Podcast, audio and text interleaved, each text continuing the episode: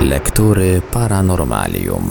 Dziś w lekturach Paranormalium kontynuujemy prezentację niezwykle kontrowersyjnej i mocnej książki Lecha Szewczyka Służby Specjalne RP czy Mafia. Zapraszamy do słuchania.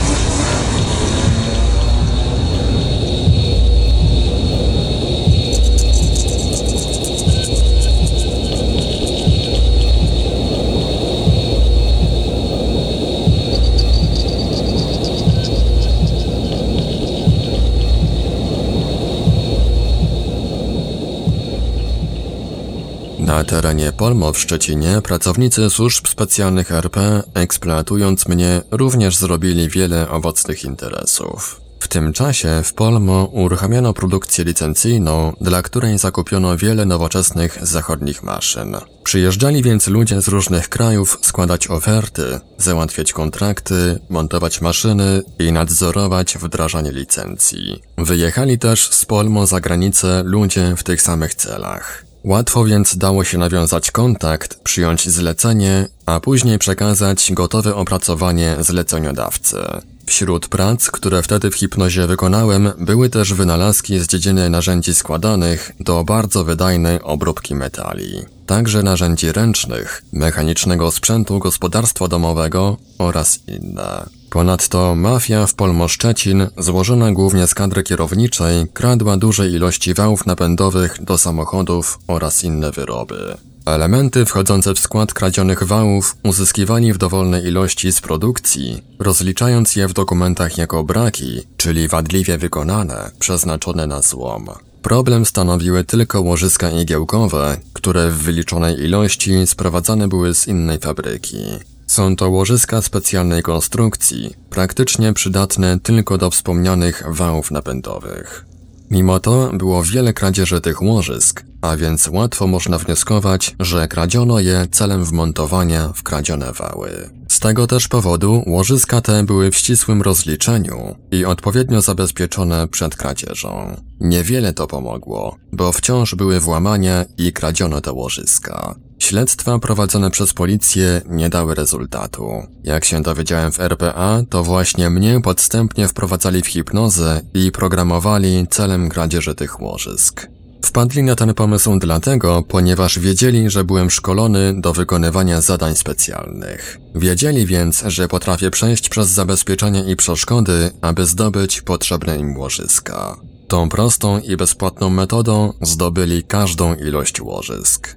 Po ilości kradzionych łożysk i niebrakowanych metali można wnioskować, że proceder ten odbywał się na wielką skalę. Natomiast biorąc pod uwagę obecne bezprawie w Polsce, można przypuszczać, że wciąż jest kontynuowany, a nawet, że się rozwinął. Trzeba przy tym wiedzieć, że mafia zakładowa, złożona z konfidentów służb specjalnych RP, była tylko bezpośrednim wykonawcą kradzieży wałów oraz innych wyrobów z Polmo w Szczecinie.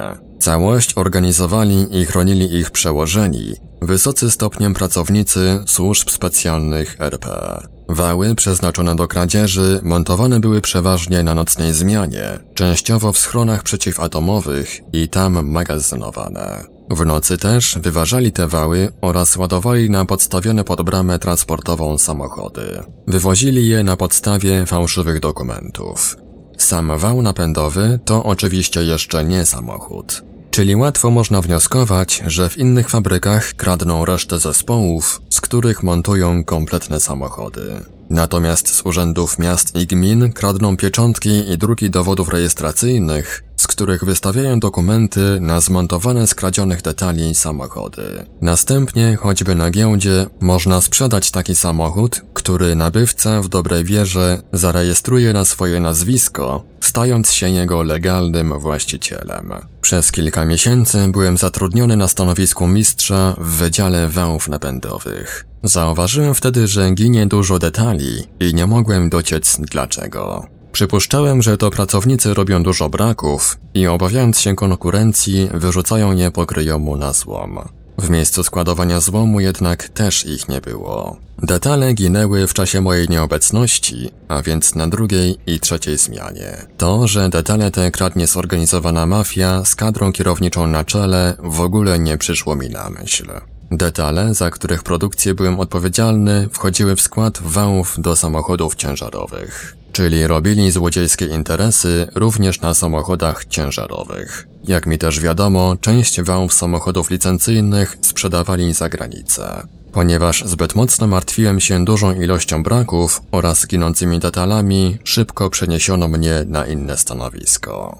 Warto też zauważyć, że wszystkie detale wchodzące w skład kradzionych samochodów, w tym również kradzione wały napędowe, muszą być rozliczone jako straty w produkcji. Są to koszty dodatkowe, które wlicza się w ceny legalnie sprzedanych samochodów. Trudno więc dziwić się, że samochody w Polsce są tak bardzo drogie, mimo że pracownikom zatrudnionym przy ich produkcji płaci się 10 razy mniej niż w krajach zachodnich. Przykład ten pozwala zrozumieć, do czyich kieszeni i w jaki sposób wpływa większość płac pracowników. Mafia zakładowa Polmo w Szczecinie kradła też duże ilości narzędzi i urządzeń technicznych, które sprzedali prywatnym nabywcom. Zgromadzone zapasy wkładali do pojemników i jako złom wywozili na zewnątrz. Trzeba zauważyć, że były to czasy, gdy narzędzia oraz urządzenia techniczne były trudno dostępne w wolnym handlu. Każda więc ich ilość, nawet częściowo zużytych, szybko znajdowała nabywców. Narzędzia oraz inne przedmioty na sprzedaż pozyskiwali, robiąc ich fikcyjne kasacje. W tym celu używali mojej pieczątki mistrza oraz później technologa eksploatacji narzędzi.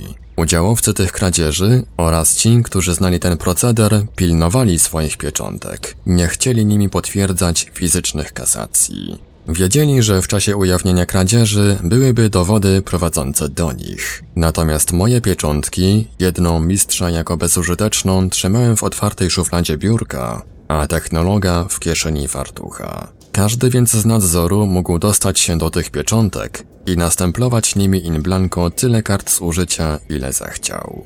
Sam dziwię się, że tak łatwo dało się robić ze mnie frajera, ale tak mnie wówczas uwarunkowali, zaprogramowali. To z powodu manipulowania mną i programowania byłem wtedy naiwny, łatwowierny, ufny i pozbawiony podejrzeń. Jeżeli cokolwiek złego stało się wokół mnie, zawsze przypisywałem to przypadkom. Owszem, słyszałem, że są złodzieje i kradną, ale uważałem, że robią to ludzie z marginesu społecznego i dzieje się to gdzieś daleko. Ta sama grupa mafijna kradła też pewną przemyślną metodą część wynagrodzenia za pracę pracownikom zatrudnionym w produkcji w systemie akordu zespołowego. Pracownicy mieli poczucie, że dostają mniej pieniędzy za pracę niż wynika to z wykonanej produkcji. Tym, którzy próbowali dociec, dlaczego tak mało im zapłacono, ktoś podpowiedział, aby z reklamacjami poszli do mnie. Nachodzili mnie więc z wydrukami komputerowymi naliczonych im płac i żądali wyjaśnień. Ponieważ byłem wtedy technologiem warsztatowym, dziwiłem się, że ludzie ci mają do mnie pretensje, zamiast do właściwych osób, czyli do swoich mistrzów i kierownika. Ludzi tych jednak ktoś dobrze naprowadził. To mnie właśnie, wprowadzonego w hipnozę, złodzieje zatrudniali przy naliczaniu im komputerowo płac. Zaprogramowali mnie przy tym tak, że naliczałem te płace w sposób, że ich część została ukradziona. Zdziwiony byłem pretensjami pracowników tym bardziej, bo nigdy przy naturalnym stanie psychiki nie programowałem i nie obsługiwałem komputerów. Dowiedziałem się dopiero w RPA, że działania takie wykonywałem często, ale tylko w hipnozie. Posłużyć się tą wiedzą mogę tylko wtedy, gdy zostanie ona prostym działaniem odblokowana i przekazana z podświadomości do pamięci. Ponadto kapusie FMS Polmo oraz ich przełożeni, starsi kapusie ze stopniami oficerów, dla rozrywki i zabawy, dla zaspokajania swoich prymitywnych potrzeb, Programowali mnie, abym w hipnozie dawał im poniżające mnie występy. Między innymi służył im w tym celu przyzakładowy klub FMS Polmo. Były to sceny urągające godności człowieka do tego stopnia, że często w pracy unikali mnie. Odwracali się ze śmiechem, brzydzili się mnie dotknąć, podać ręki na powitanie. W taki właśnie sposób, poniżając mnie, zaspokajając swoje prymitywne przyjemności, odpłacali mi za korzyści finansowe, które uzyskiwali eksploatując mnie w hipnozie. Dla uzupełnienia tego tematu wypada wspomnieć też dział pracy chronionej przy Wydziale PW 900. W FMS Polmo w Szczecinie większość obrabiarek produkcyjnych obsługują kobiety, a tym, jak wiadomo, zdarza się być w ciąży. Ponieważ dla kobiet w ciąży praca przy obrabiarkach jest zbyt uciążliwa, zorganizowano dla nich pracę lekką w dziale pracy chronionej. W taki też sposób wszystkie kobiety w ciąży skupione były w jednym miejscu. Ułatwiało to pewnym kapusiom odurzać je podstępnie narkotykami, wprowadzać w hipnozę i gwałcić, a także za pieniądze dawać gwałcić innym zboczeńcom. Używali w tym celu również klubu przyzakładowego oraz pomieszczeń schronowych. Dodam przy tym, bo w Polsce tego rodzaju informacje są tajne, że jest rodzaj lubieżników, dla których kobiety w ciąży stanowią szczególną atrakcję seksualną. W skrajnych przypadkach psychicznie chorego zboczeńca interesuje bardziej płód niż sama kobieta. Informacje na ten temat dlatego są w Polsce zatajane, bo są to choroby psychiczne, na zaspokajanie których stać tylko bogatych lub żyjących ponad prawem zboczeńców. Między innymi z tego właśnie powodu rodzą się kalekie, niepełnosprawne, upośledzone umysłowo dzieci, których liczba w Polsce wciąż wzrasta. W czasie, gdy pracowałem w FMS Polmo, któregoś dnia trzy ciągłe syreny ogłosiły alarm przeciwatomowy. Jak wiadomo, sygnał taki powinien być potraktowany poważnie, jako rzeczywiste zagrożenie atomowe lub ekologiczne. Ludzie przerwali więc pracę i w większości wyszli z hal produkcyjnych, szukając wejść do schronów. Niewielu wiedziało, gdzie są te wejścia i do których schronów mają się udać. Jak dowiedziałem się kilka lat później, alarm ten najbardziej przestraszył niektóre osoby z nadzoru. Bali się jednak nie bomb atomowych, ale że będą musieli otworzyć schrony i wpuścić do nich ludzi. Skończyło się na emocjach, bo ktoś szybko załatwił, że odwołano ten alarm. Tak więc zorganizowany biznes w schronach został uratowany. Jak wiadomo, w każdej firmie, a więc również w FMS Polmo, są kapusie, którzy kapują swoim przełożonym spoza firmy, co i gdzie można ukraść, kogo i co sprzedać i komu zagarnianie łupów nie podoba się. Są też agenci zajmujący się bezpieczeństwem pracowników oraz firmy, których liczba obecnie zmierza do zaniku. Jeden z takich agentów, współpracujący ze mną służbowo, zasugerował mi powiązanie z pewnymi faktami. Sprawa była poważna, bo ukradziono dwa czujniki przeciwpożarowe działające na bazie pierwiastka radioaktywnego. Pytał też mnie, po co dokonuje się podpaleń szaf z dokumentami biurowymi oraz na temat innych spraw. Rozmowa ta nie miała sensu, bo w ogóle nie wiedziałem o co mu chodzi i do czego zmierza. W każdym razie powiedział mi, że jest jeszcze szansa, aby zwrócić wspomniane czujniki,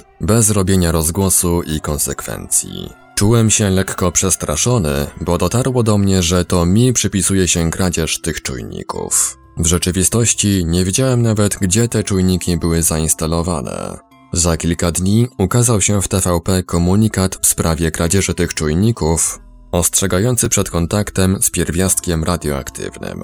Na tym zakończyły się moje zainteresowania tą sprawą. Uzupełnię przy tym, że sprawcami kradzieży tych czujników byli pracownicy służb specjalnych RP, wysługując się w tym celu mną w hipnosie. Prawdopodobnie podczas ich demontażu uległem na promieniowaniu, ale cóż to mogło barbarzyńców obchodzić?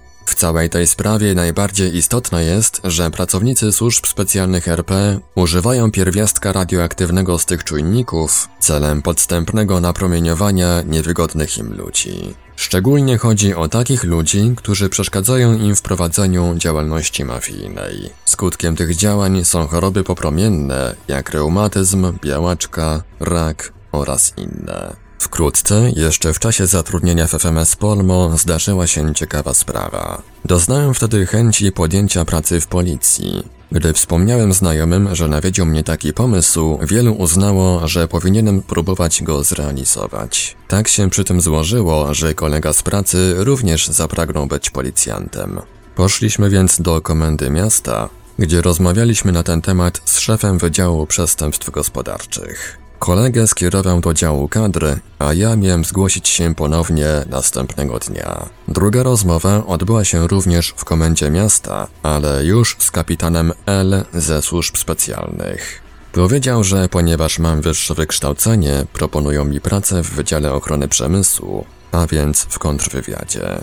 Twierdził przy tym, że praca ta jest lepiej płatna niż w policji i dużo ciekawsza. Przyznam, że odnośnie pracy w policji miałem jakieś wyobrażenie, ale działalność służb specjalnych była wówczas dla mnie tajemnicą. Jeżeli jednak kapitan L twierdził, że praca ta jest lepiej płatna i ciekawsza, to pomyślałem, czemu nie? Niech będą służby specjalne. Zapytałem jednak, co będę robił w ochronie przemysłu, na czym praca ta ma polegać. Uzyskałem ogólne wytłumaczenie, że najpierw będzie szkolenie, a później dostanę jakieś przedsiębiorstwo do ochrony z zadaniem dbania o jego bezpieczeństwo. Pomyślałem, że rzeczywiście może to być ciekawe. Napisałem więc w jednym zdaniu podanie, aby przyjąć mnie do pracy w służbach specjalnych. Kapitan L, wyraźnie zadowolony, wziął to podanie, a chowając je, lekko się rozglądał, jak gdyby chował dużo pieniędzy. Na tym też dla mnie sprawa ta miała się zakończyć. Zaprogramowali mnie, abym zechciał zostać policjantem właśnie dlatego, bo chcieli podstępnie zdobyć ode mnie takie podanie. Kolega, który wraz ze mną starał się o przyjęcie do policji, dostał skierowanie na badania lekarskie, sprawnościowe, testowe, a ja nic. Postanowiłem więc dowiedzieć się, jaka jest decyzja w sprawie mojego podania, chociaż zapał do nowej pracy minął mi zaraz po jego doręczeniu. Próby telefonicznego porozumienia się z kapitanem L nie dały rezultatu. Telefony moje łączone były jakby z zaświatem.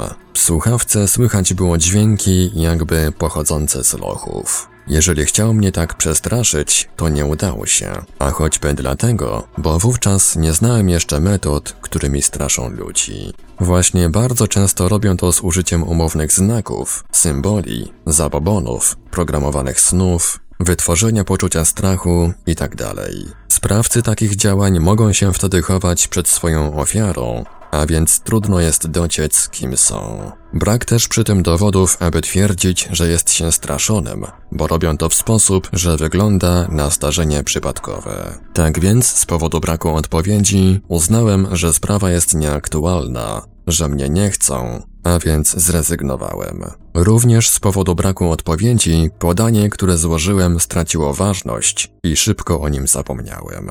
Nigdy już nie wracałem do tej sprawy i w ogóle przestałem się resortem MSW interesować. Jednakże oni sprawę potraktowali inaczej. Mając moje podanie, uznali, że jestem ich darmowym niewolnikiem, a więc, że mają prawo, według uznania, eksploatować mnie. Agentom przecież płaci się za wykonane zadania, a kapusie dostają udział w zagarniętym łupie. Niewolnikiem byłem dla nich tylko prywatnie, bo oficjalnie zarejestrowali mnie jako swojego współpracownika. Ponieważ nie gardzili też i drobnym łupem, kradli pieniądze pobrane z kasy, niby dla mnie za współpracę. Uzupełniając ten temat, trzeba również podać, jaki był wynik starań kolegi, który też chciał zostać policjantem. Wykonał wszystkie potrzebne badania oraz dopełnił wymaganych formalności, ale dostał odpowiedź odmowną. Ci, którzy go znają, wiedzą, że jest to człowiek poważny, sumienny, obowiązkowy w pracy, z wysokim morale i etyką bez zastrzeżeń. Okazało się jednak, że taki ktoś właśnie nie był potrzebny. Trzeba przy tym wykluczyć, że zdyskwalifikowały go do tej pracy cechy fizyczne lub psychiczne. Twierdzę tak, ponieważ zaraz po otrzymaniu odmownej decyzji z policji zatrudnił się po godzinach pracy jako uzbrojony konwojent przy odbierze pieniędzy ze sklepów i transporcie ich do banku. Gdyby więc posiadał defekty psychiczne, wtedy nie dostałby zezwolenia na broń i nie mógłby odbierać i transportować pieniędzy. Znam też inny przypadek ubiegania się o przyjęcie do resortu MSW z tego samego podwórka. Był to człowiek, który wyraźnie unikał pracy, ale często był tak zmęczony alkoholem, że nie miał siły pójść do domu. Spał więc pod swoim biurkiem do następnego dnia, dyskretnie zamknięty w pokoju biurowym przez współpracowników. Tego jednak przyjęto do służb specjalnych, a nawet szybko został oficerem. Zasady przyjęcia do resortu MSW są więc przynajmniej egzotyczne. Po kilku latach dowiedziałem się więcej szczegółów, na czym polega praca w ochronie przemysłu, którą mi kapitan L zaproponował. Rzeczywiście, dostaje się celem ochrony firmy, ale posiadaną władzę można użyć w dwojaki sposób. Gdy agent, oficer posiada etykę i morale na wysokim poziomie, wtedy firmę ochroni przed każdym zagrożeniem. Robi to w oparciu o sieć agentów w firmie, urządzenia techniczne, środki operacyjne, broń psychologiczną oraz inne możliwości. Potrafi tak zadbać o firmę, że praca będzie przebiegać sprawnie, bezkonfliktowo i z przestrzeganiem dyscypliny pracy. Zadziała, że nie będzie złodziejstwa w firmie, kłótni, wypadków przy pracy oraz wykradania tajemnic firmy. Również przy pomocy broni psychologicznej spowoduje, że podwładni będą akceptować i respektować swoich przełożonych oraz wykonywać bez oporów ich polecenia. Będzie tak nawet wówczas, gdy podwładny będzie wyżej wykształcony i starszy niż przełożony. Można więc powiedzieć, że w takich warunkach ochrony firma będzie prosperować dobrze, a pracownicy będą zadowoleni i dużo zarabiać. Przeważnie jednak tak nie jest, bo zamiast agenta trafia się kapuś, który firmę zamiast ochraniać eksploatuje i sprzedaje.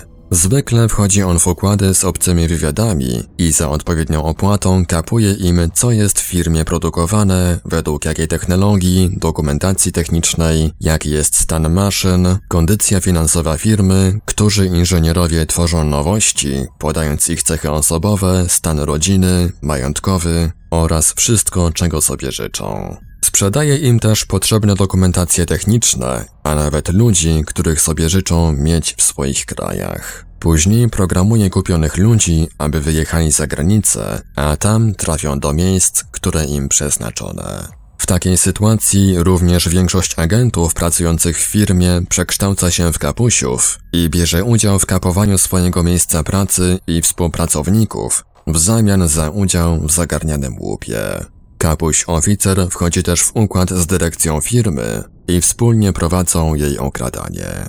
Ryzyko przy tym dla kapusia oficera jest niewielkie, bo w razie ujawnienia jakiejś afery całą winę ponosi dyrektor, księgowy lub inne osoby. Po ich uwięzieniu lub wymianie, kapuś oficer szybko zorganizuje przestępcze interesy od nowa. Jak twierdzą, teraz za czasów państwa prawa jest tak dobrze, że pieniądze same pchają się do kieszeni. Zdarzają się jednak przeszkody, bo tam, gdzie jest złodziejstwo, zawsze trafią się tacy, którym to przeszkadza. Zwykle kapuś oficer doskonale orientuje się, kto zagraża mu w zdobywaniu łupów, poprzez zainstalowane w różnych miejscach firmy podsłuchy i podglądy. Ponadto kapusie zakładowi donoszą swojemu oficerowi, kto mu przeszkadza w złodziejskiej robocie. Kapuś oficer, czyli etatowy pracownik służb specjalnych RP, ma opracowanych wiele metod, aby unieszkodliwić takich ludzi. Najczęściej czyni działania, aby niewygodnych pracowników usunąć z firmy. Tym celu wywołuje im konflikty w pracy i rodzinie, rozpowszechnia plotki, ośmiesza, podrywa autorytet, utrudnia wykonanie obowiązków służbowych itd. Tak Pracownik w ten sposób nękany zwykle sam zechce zmienić miejsce pracy. W skrajnych przypadkach, gdy kapuś oficer ma skłonności do mordowania i sadyzmu, programuje przeszkadzającym mu w zdobywaniu łupów pracownikom wypadki przy pracy i poza pracą, choroby zawodowe, a nawet zgony. Wszystkie w tym celu działania łatwo może wykonać z użyciem kapusiów zakładowych oraz broni psychologicznej. Czyni też manipulacje, aby stanowiska kierownicze w firmie zajmowali ludzie, którzy są mu lojalni lub spełniają jego oczekiwania. Jeżeli więc ktoś uważa, że to dyrektor dobiera sobie ludzi na kadrę kierowniczą, to jest w błędzie. Kapuś oficer, posługując się bronią psychologiczną, potrafi wymanipulować i wpłynąć na psychikę dyrektorowi tak, że ten powierzy stanowiska kierownicze tylko zasugerowanym mu osobom.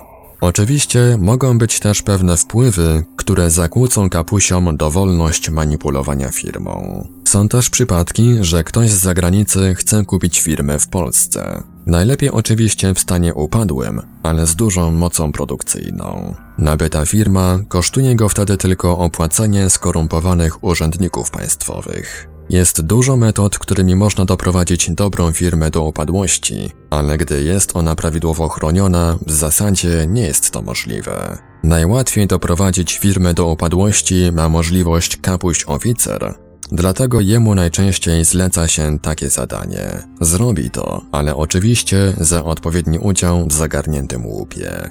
Jedna droga do osiągnięcia tego celu to manipulowanie finansami firmy, a druga to zrobienie rozstroju organizacyjnego i technicznego. W czasie realizowania takiego celu w firmie będą kradzieże, pijaństwo, łamanie dyscypliny, bałagan.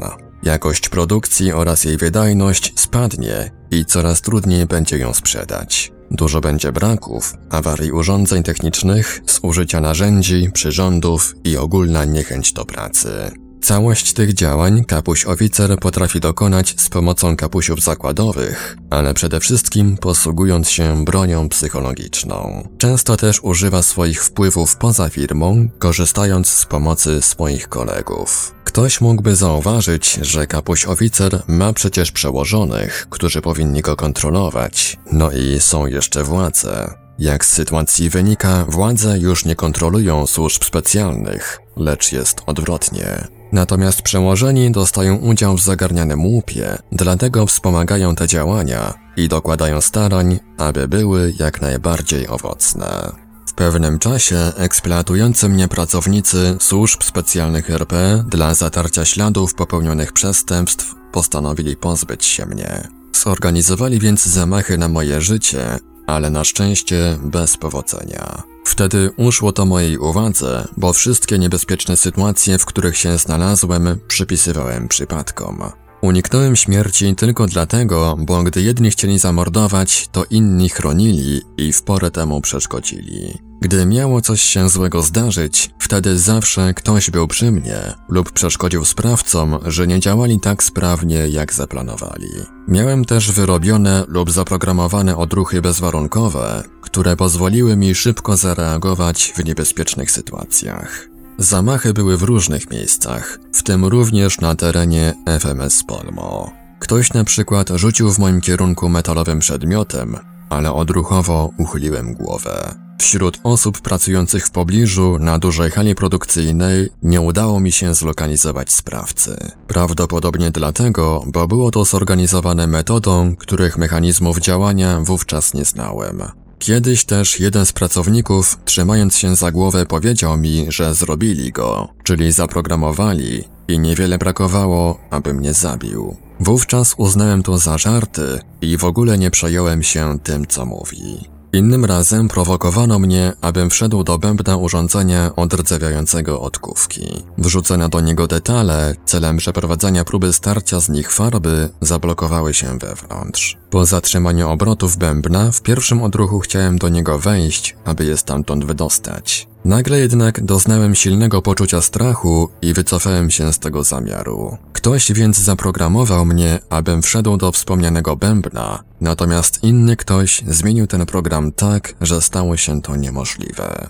Wspomnę, że urządzenie odrdzewiające odkówki stało w osobnym pomieszczeniu, w którym rzadko przebywali ludzie. Gdybym więc wszedł do tego bębna, ktoś przygotowany miał włączyć jego obroty i zostałbym przemieszany z kilkuset kilogramami odkówek. Dla pracowników służb specjalnych RP zaprogramować mi śmiertelny wypadek to nie był problem. Niewiele wcześniej zrobili to trzem pracownikom nadzoru FMS Polmo. Przeszkadzali im w prowadzeniu mafijnych interesów, których kilka tylko przykładów podałem. Zaprogramowali więc ich, aby razem pojechali na grzyby. W drodze powrotnej, zgodnie z nałożonym programem, kierowca skręcił na lewą stronę jezdni. Wybrał przy tym taki moment, że uderzył wiodący sprzeciwka samochód ciężarowy. Zgodnie z planem, trzy osoby w tym wypadku zginęły. Pracownicy służb specjalnych RP starali się też wiele razy zaprogramować mi śmiertelny wypadek na terenie fabryki papieru w Szczecinie Skolwinie.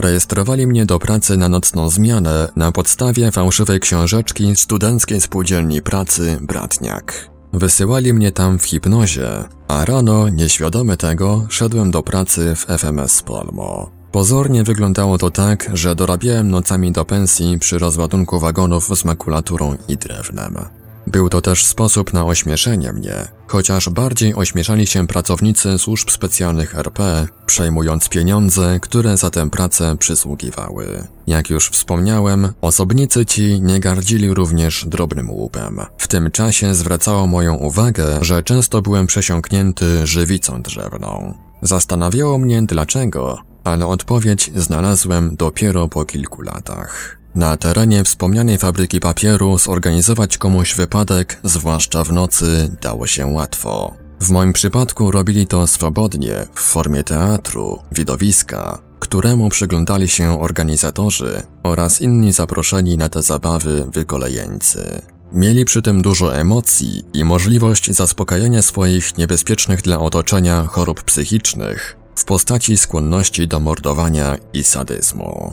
Robili również zakłady, czy uda mi się uniknąć lub uwolnić z założonej pułapki. Udawało się, ale głównie dlatego, bo wprowadzonego w hipnozę człowieka znacznie trudniej zabić niż gdy jest w normalnym stanie psychiki.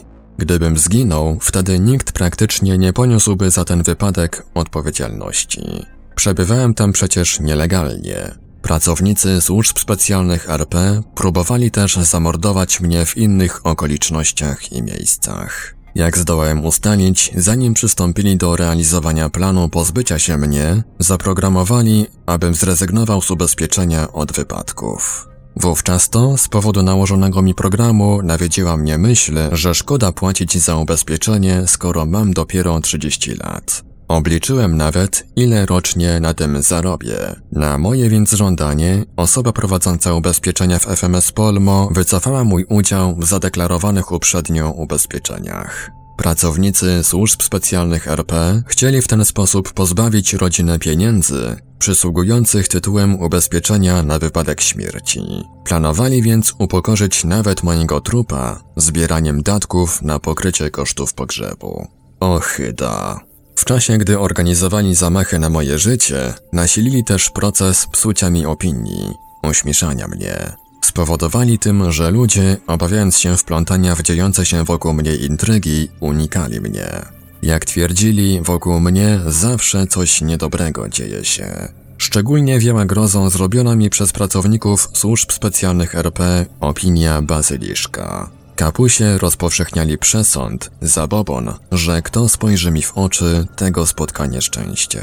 Przesąd ten skutecznie zadziałał, bo wiadomo jak to z zabobonami. Wierzyć, nie wierzyć, ale lepiej nie próbować. Działania te miały zrazić do mnie ludzi tak, że gdybym zginął, wszyscy potraktowaliby to z ulgą. Byliby skrycie zadowoleni, że nareszcie go nie ma. Wtedy mniejsza też szansa, aby podjęto dyskusję. Rozważano podejrzenia, że to nie był wypadek, lecz morderstwo. Sprawcy podanych działań sami nie wymyślili tego schematu postępowania. Mają go, jak też na wiele innych okoliczności, opracowane na instrukcjach. Z instrukcji tej wynika, że tak właśnie należy przygotować środowisko, gdy planuje się morderstwo. Zwykle dezintegrują tego człowieka również z rodziną. Obecnie już nie bawią się aż w takie ceregiele. Zamordują kogo zechcą, bo i tak w śledztwie zrobią, że było to samobójstwo. Jednym z przykładów, w szczególnie chamski sposób psucia mi opinii, było zrobienie ze mnie męskiej prostytutki. Były to incydenty organizowane w FMS Polmo, a więc w moim miejscu pracy, czyli wielu znających mnie ludzi. Jak już wspomniałem, przy maszynach w FMS Polmo w większości pracowały kobiety. Kompromitujący mnie działali w ten sposób, że nakładali którejś z tych kobiet program, który powodował u niej pobudzenie seksualne skierowane na mnie. Problemem jednak dla takiej kobiety było dotrzeć do mnie tak, bym zauważył i skorzystał z jej słabości. Wtedy do działań wkraczała któraś ze współpracujących z mafią pracownic i tłumaczyła koleżance, co trzeba zrobić, aby nawiązać ze mną kontakt. Ujawniała jej w sekrecie, że ja biorę za to pieniądze i wystarczy tylko wpłacić odpowiednią sumę wskazanemu kapusiowi, którym był jeden z mistrzów produkcji, a reszta pójdzie łatwo. Musi jednak uważać, aby nie wspomnieć przy mnie, że za to zapłaciła, bo się obrażę i sprawa będzie nieaktualna. Pobudzona kobieta, zmuszona nałożonym jej programem, tak też postępowała. Prawdopodobnie mnie również uwarunkowywali programem, abym zainteresował się tą właśnie kobietą. Przypuszczam, że i bez programu zdecydowałbym się na to łatwo, ponieważ barbarzyńcy ze służb specjalnych RP stale i wściekle izolowali mnie od kobiet. Później następował drugi etap tego działania. Nakładali wtedy tej samej kobiecie inny program, taki, który powodował u niej złość z powodu wydanych pieniędzy. Uznawała wtedy, że nie było warto wydawać na to aż tyle pieniędzy, skoro ma możliwość współżycia za darmo. Dodatkowo incydentowi temu zawsze towarzyszyły inne kompromitujące fakty, innymi prymitywne warunki, w których zamieszkiwałem. Zaprogramowane więc wzburzenie kobiety oraz wspomniane fakty powodowały ujawnienie szczegółów tych incydentów oraz powstanie ośmieszających mnie plotek. Wystarczyło kilka takich incydentów i wszyscy w FMS Polmo wiedzieli, jak on zajmuje się dodatkową profesją. Do mnie natomiast sprawy te dotarły dopiero po kilku latach w RPA. Dowiedziałem się wtedy też, jakie pracownicy służb specjalnych RP nałożyli mi programem nawyki, abym zraził nimi do siebie ludzi. Ponoć również w stołówce przyzakładowej nie było przyjemnie jeść ze mną przy jednym stoliku. W RPA zdjęli mi te programy, twierdząc przy tym, że u nich nie jest możliwe, aby tak wściekle poniżać wykształconego człowieka. Powiedzieli też, że to potwierdza posiadane przez nich informacje, że Polacy nie mają żadnej ochrony, dlatego można robić z nimi co się komu podoba, również w ich kraju. Dowiedziałem się przy tym, że w RPA każdy zauważyłby nałożone mu programem nieestetyczne nawyki, po czym zgłosiłby takie działania na nim policji lub władzom. Sprawcy mieliby z tego powodu duże kłopoty, a więc nikt nie ryzykowałby takich działań. Jak mi dobrze wiadomo, gdyby ktoś w Polsce złożył taką skargę, szybko zrobiono by z niego wariata. Psychiatra zbrodniarz na pewno podpasowałby mu jakąś chorobę i zaproponował leczenie w szpitalu psychiatrycznym.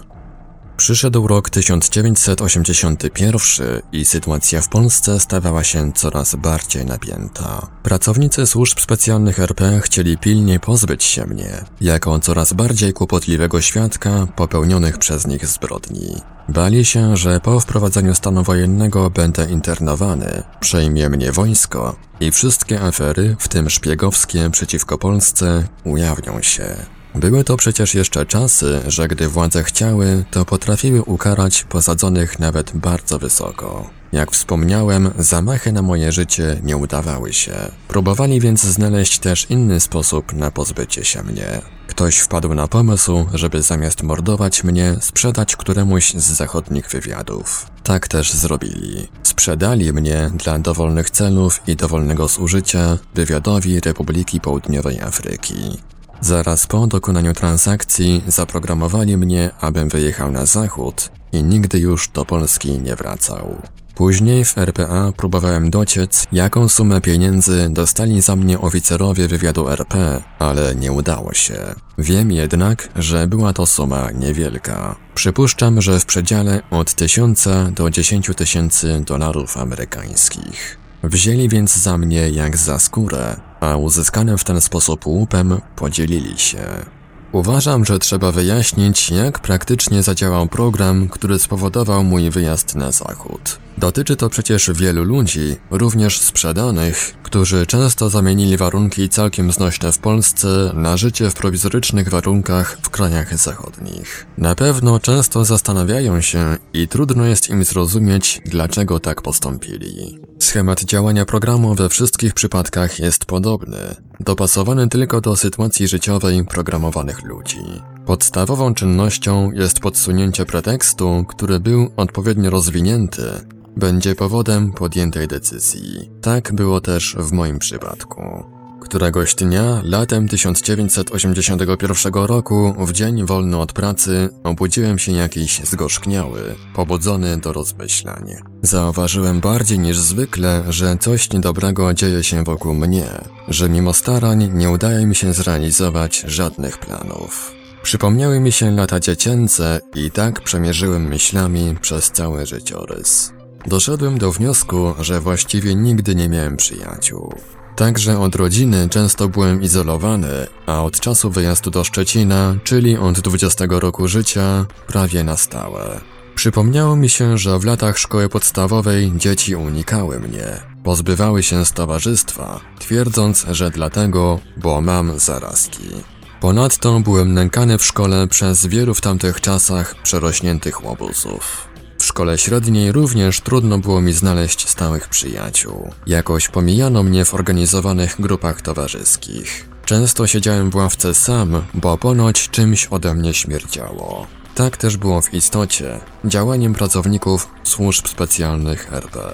To oni właśnie tak organizowali mój życiorys celem realizowania swoich planów. Chcieli, abym zawsze był sama. W czasie prowadzenia wspomnianych rozważań nic o tym nie wiedziałem. Wszystkie niepowodzenia przypisywałem przypadkom, nadzwyczajnemu pechowi. Późniejszych czasach koledzy, których miałem, też często zachowywali się zastanawiająco. Może dlatego, bo zwykle byli to podstawieni mi do towarzystwa kapusie, którzy mieli zadanie prowadzać mnie odpowiednimi drogami, wabić w odpowiednie miejsca, gdzie łatwo dało się wprowadzić mnie w hipnozę i eksploatować. Pieniądze też jakoś dziwnie szybko ubywały mi, że trudno było dotrwać do następnej wypłaty. Jak na złość i ubrania szybko niszczyły się, a posiadane przedmioty ginęły lub psuły się. Dokuczliwe też było stałe zamieszkiwanie w wynajętych pokojach sublokatorskich i brak towarzystwa kobiet. Pomyślałem, że muszę coś zrobić, aby polepszyć tę sytuację i nagle przyszło olśniewające rozwiązanie. Nawiedziła mnie myśl, że trzeba wyjechać na zachód. Zaraz po tym zaczęła realizować się zasadnicza część nałożonego mi programu, i wszystko potoczyło się według zaplanowanego dla mnie scenariusza. Natychmiast nabrałem odwagi do zrealizowania tego zamiaru. Na wszystkie niewiadome szybko znajdowałem odpowiedzi, jakby ktoś mi je sugerował, podpowiadał, co mam robić. Niespodziewanie zaczęła poprawiać się moja sytuacja finansowa, bo pieniądze napływały z wniosków racjonalizatorskich złożonych w FMS Polmo, które uprzednio zwykle mi odrzucano. Było więc czym spłacić zadłużenie, uporządkować wszystkie sprawy, a nawet starczyło na zakup 300 dolarów amerykańskich. Wszystko było przygotowane, a więc wyjazd zaplanowałem na 4 listopada 1981 roku. Dla kamuflażu, aby zrobić pozory, że wrócę, wziąłem w pracy 3 miesiące urlopu. Miałem wystarczającą ilość czasu, aby złożyć wypowiedzenie pracy, gdy już będę za granicą. Mogłem zostawić wypisane podanie komuś ze znajomych lub rodziny, aby doręczyli je w kadrach przed rozpoczęciem trzeciego miesiąca urlopu. Bez problemu też mogłem przysłać takie podanie z zagranicy. Jednakże pracownicy służb specjalnych RP zaplanowali za mnie inaczej. Zaprogramowali, abym zlekceważył tę formalność, nie pisał żadnego podania, tak aby rozwiązanie umowy o pracę nastąpiło przez porzucenie pracy. Jest to jeden z przykładów, w jaki sposób manipulowali mną, abym postępował ze szkodą dla siebie, panił za sobą mosty. Wybrałem RFN, a zdawało mi się, że dlatego, bo mam w Hamburgu znajomego, który pomoże mi tam postawić pierwsze kroki. W rzeczywistości tak byłem uwarunkowany. Zgodnie z przygotowanym dla mnie planem, miałem się udać właśnie do Hamburga. Znajomy ten wyjechał do RFN kilka miesięcy wcześniej i jakoś łatwo udało mi się zdobyć jego adres. Napisałem do niego trzy listy, podając datę przyjazdu, z prośbą, aby wyszedł po mnie na dworzec. Odpowiedzi jednak nie otrzymałem.